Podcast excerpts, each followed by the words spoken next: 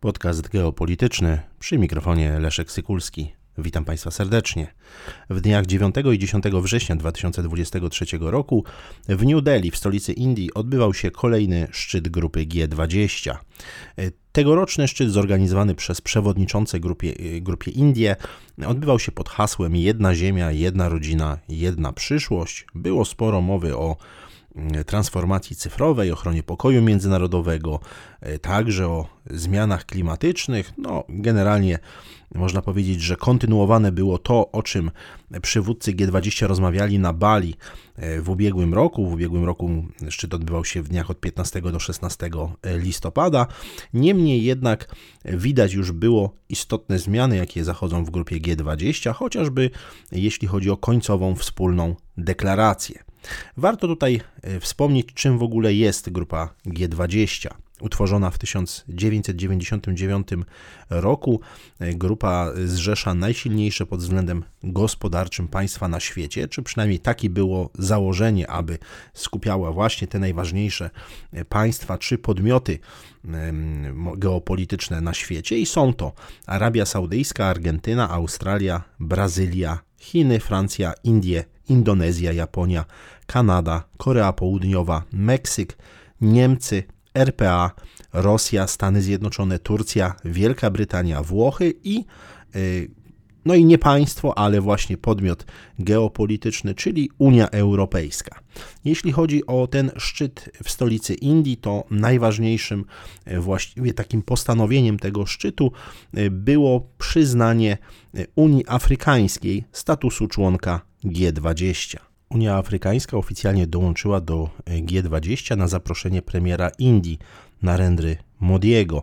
Zresztą to przystąpienie Unii Afrykańskiej zyskało szerokie poparcie. E, wypowiadał się bardzo pozytywnie w tym duchu i przewodniczący Rady Unii Europejskiej Charles Michel i przewodnicząca Komisji Europejskiej e, Ursula von der Leyen. E, jeśli chodzi o y, takie geopolityczne znaczenie tego wydarzenia, to na pewno przyjęcie Unii Afrykańskiej jest ważnym sukcesem dla premiera Modiego, które no, umacnia też jego pozycję na arenie e, międzynarodowej. Niewątpliwie indyjski premier próbuje od dłuższego czasu już nadać swojemu krajowi pozycję lidera tak zwanego globalnego południa. Najogólniej rzecz biorąc, termin globalne południe mm, to termin obejmujący szeroko kraje Afryki, Ameryki Łacińskiej, Karaibów, Azji, ale Azji bez Izraela, Japonii i Korei Południowej oraz obszaru Oceanii z wyłączeniem Australii i Nowej Zelandii. Mm, pojęcie globalnego południa y, odnosi się do krajów charakteryzujących się niskimi dochodami, stosunkowo gęstym zaludnieniem, słabą infrastrukturą i często marginalizacją polityczną i czy e, kulturową. W przeszłości bardzo popularnym terminem było e, określenie trzeci świat, kraje trzeciego świata, no właściwie od konferencji w Bandungu w 1955 roku e, bardzo się to pojęcie trzeciego świata spopularyzowało, było związane z ruchem dekolonizacji, natomiast współcześnie już w takim sensie często geoekonomicznym używa się tego pojęcia właśnie globalne południe.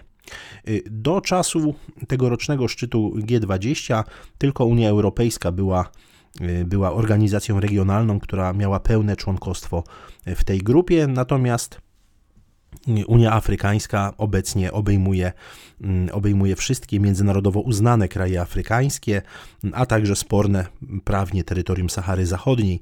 Razem jest to 55 państw. Jeśli chodzi o uczestników tegorocznego szczytu, to zabrakło na nim przede wszystkim chińskiego przywódcy Xi Jinpinga i rosyjskiego prezydenta Władimira Putina. E, obaj przywódcy wysłali delegacje e, zastępcze, no a ze względu na ich nieobecność, no, te oczekiwania wobec szczytu już od samego początku były ograniczone. Już, tak jak powiedziałem na samym wstępie, pojawiły się istotne rysy.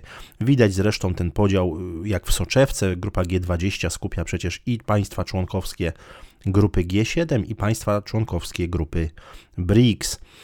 No, oprócz tych kwestii klimatycznych, które są, no można powiedzieć, corocznie poruszane na szczytach grupy G20, spotkanie czołowych państw przemysłowych i państw globalnego południa, czy właśnie tych mocarstw z globalnego południa, było poświęcone także poszukiwaniu jakiegoś wspólnego oświadczenia w sprawie wojny e, na Ukrainie. Natomiast już tutaj to jasno pokazało, jak przechodzi ta e, linia, można powiedzieć, takiego podziału geopolitycznego.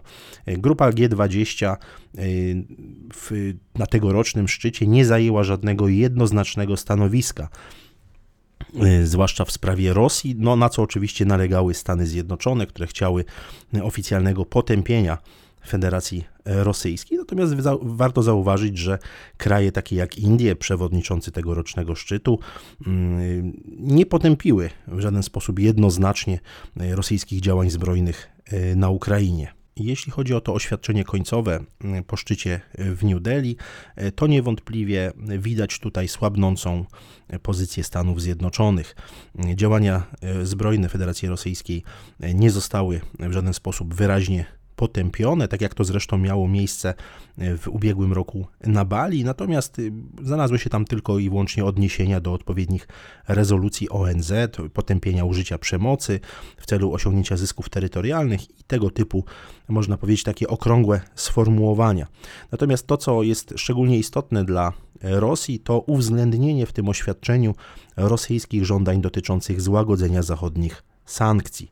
W dokumencie końcowym stwierdzono, że wzywa się do zapewnienia natychmiastowej i nieograniczonej dostawy zboża, żywności i nawozów z Rosji i e, Ukrainy. Wszystko po to, aby zaspokoić potrzeby krajów rozwijających się, zwłaszcza tych, e, tych w Afryce. W deklaracji tej zaznaczono, że Grupa G20 nie jest platformą do rozwiązywania y, sporów geopolitycznych i kwestii y, bezpieczeństwa. Co jest bardzo istotne, to pokazuje także pewną fasadowość y, właśnie tego, tej platformy spotkań największych, największych graczy międzynarodowych. Pokazuje także, że ta, ten środek ciężkości, jeśli chodzi o kwestie bezpieczeństwa, jeśli chodzi o kwestie geopolitycznie, geopolityczne, leży zupełnie zupełnie gdzie indziej i niewątpliwie tutaj e, o wiele większą rolę zamierza odgrywać chociażby grupa, e, grupa e, BRICS. Natomiast jeśli chodzi o mm, przedsięwzięcia, które zostały powołane podczas tegorocznego szczytu, no to myślę, że przede wszystkim warto tutaj podkreślić także sukces Indii, jakim jest protokół ustaleń w sprawie korytarza gospodarczego, korytarza handlowego, jaki ma połączyć Indię z Unią Europejską, Arabią Saudyjską, Zjednoczonymi Emiratami Arabskimi i Stanami Zjednoczonymi. Zgodnie z protokołem ustaleń to przedsięwzięcie ma się składać z dwóch oddzielnych korytarzy, z których wschodni ma łączyć Indię z Zatoką Perską, a północny korytarz ma połączyć Zatokę Perską z Europą. Wzdłuż trasy kolejowej mają być ułożone kable dla linii elektroenergetycznych i dla transmisji danych, a także rurociągi dla wodoru, który miałby być pozyskiwany z energii odnawialnej do wykorzystania y, w energetyce. Y, tutaj wielu komentatorów podkreśla, że to porozumienie może się okazać swego rodzaju przeciwwagą, konkurencją dla chińskiej inicjatywy pasa i szlaku. No, biorąc pod uwagę to, w jaki sposób dyplomacja amerykańska jest zaangażowana, zaangażowana w przeciąganie Indii na swoją stronę, tak można, tak oczywiście mogą brzmieć niektóre komentarze, ale warto także podkreślić, że że Indie bardzo są mocno zaangażowane w grupę BRICS i to nie jest sytuacja, nie jest to sytuacja e, czarno-biała, niewątpliwie jednoczenie kontynentu eurazjatyckiego, gospodarcze, mm, energetyczne jest traktowane również w krajach anglosaskich jako potencjalne zagrożenie, jako taki scenariusz e, ziszczenia się e, koncepcji Halforda Mackindera, czyli połączenia obszaru centralnego Eurazji z obszarami e, brzegowymi, co zawsze było traktowane przez strategów państw anglosaskich jako potencjalne, jako potencjalne zagrożenie. Potencjalnie zatem sprawa tych dwóch korytarzy gospodarczych, handlowych może stać się tym elementem, który wzmacniać będzie nie tyle inicjatywę anglosaską, co inicjatywę kontynentalną, co inicjatywę chociażby grupy, grupy BRICS, patrząc także na perspektywę rozszerzenia tej grupy od 1 stycznia 2024 roku. Na zakończenie szczytu premier y, Modi przekazał ceremonialny młotek przewodniczącego grupy G20 prezydentowi y, Da Silvie, prezydentowi Brazylii, bowiem to Brazylia rozpocznie formalnie prezydencję grupy G20 od 1 grudnia bieżącego roku. Niewątpliwie ten y, szczyt przejdzie do historii właśnie jako, jako spotkanie, które poszerzyło grono G20 o Unię Afrykańską.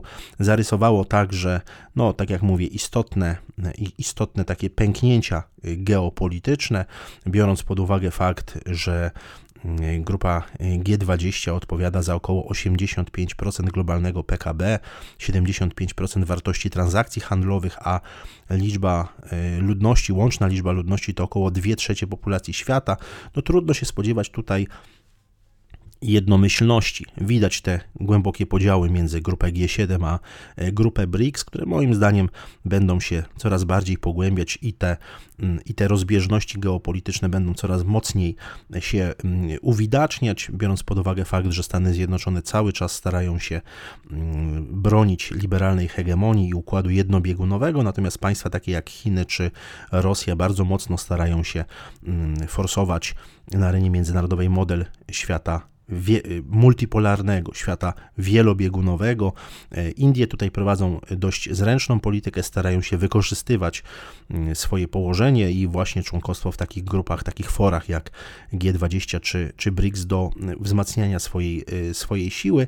Niemniej jednak mm, widzimy tutaj Y, postępujący mimo wszystko proces policentryzacji y, świata, a fakt, że no, przyznano, że grupa G20 nie jest forum do rozwiązywania sporów geopolitycznych i kwestii bezpieczeństwa, jasno pokazuje, że tego typu kwestie będą przenoszone na inne, y, na inne obszary.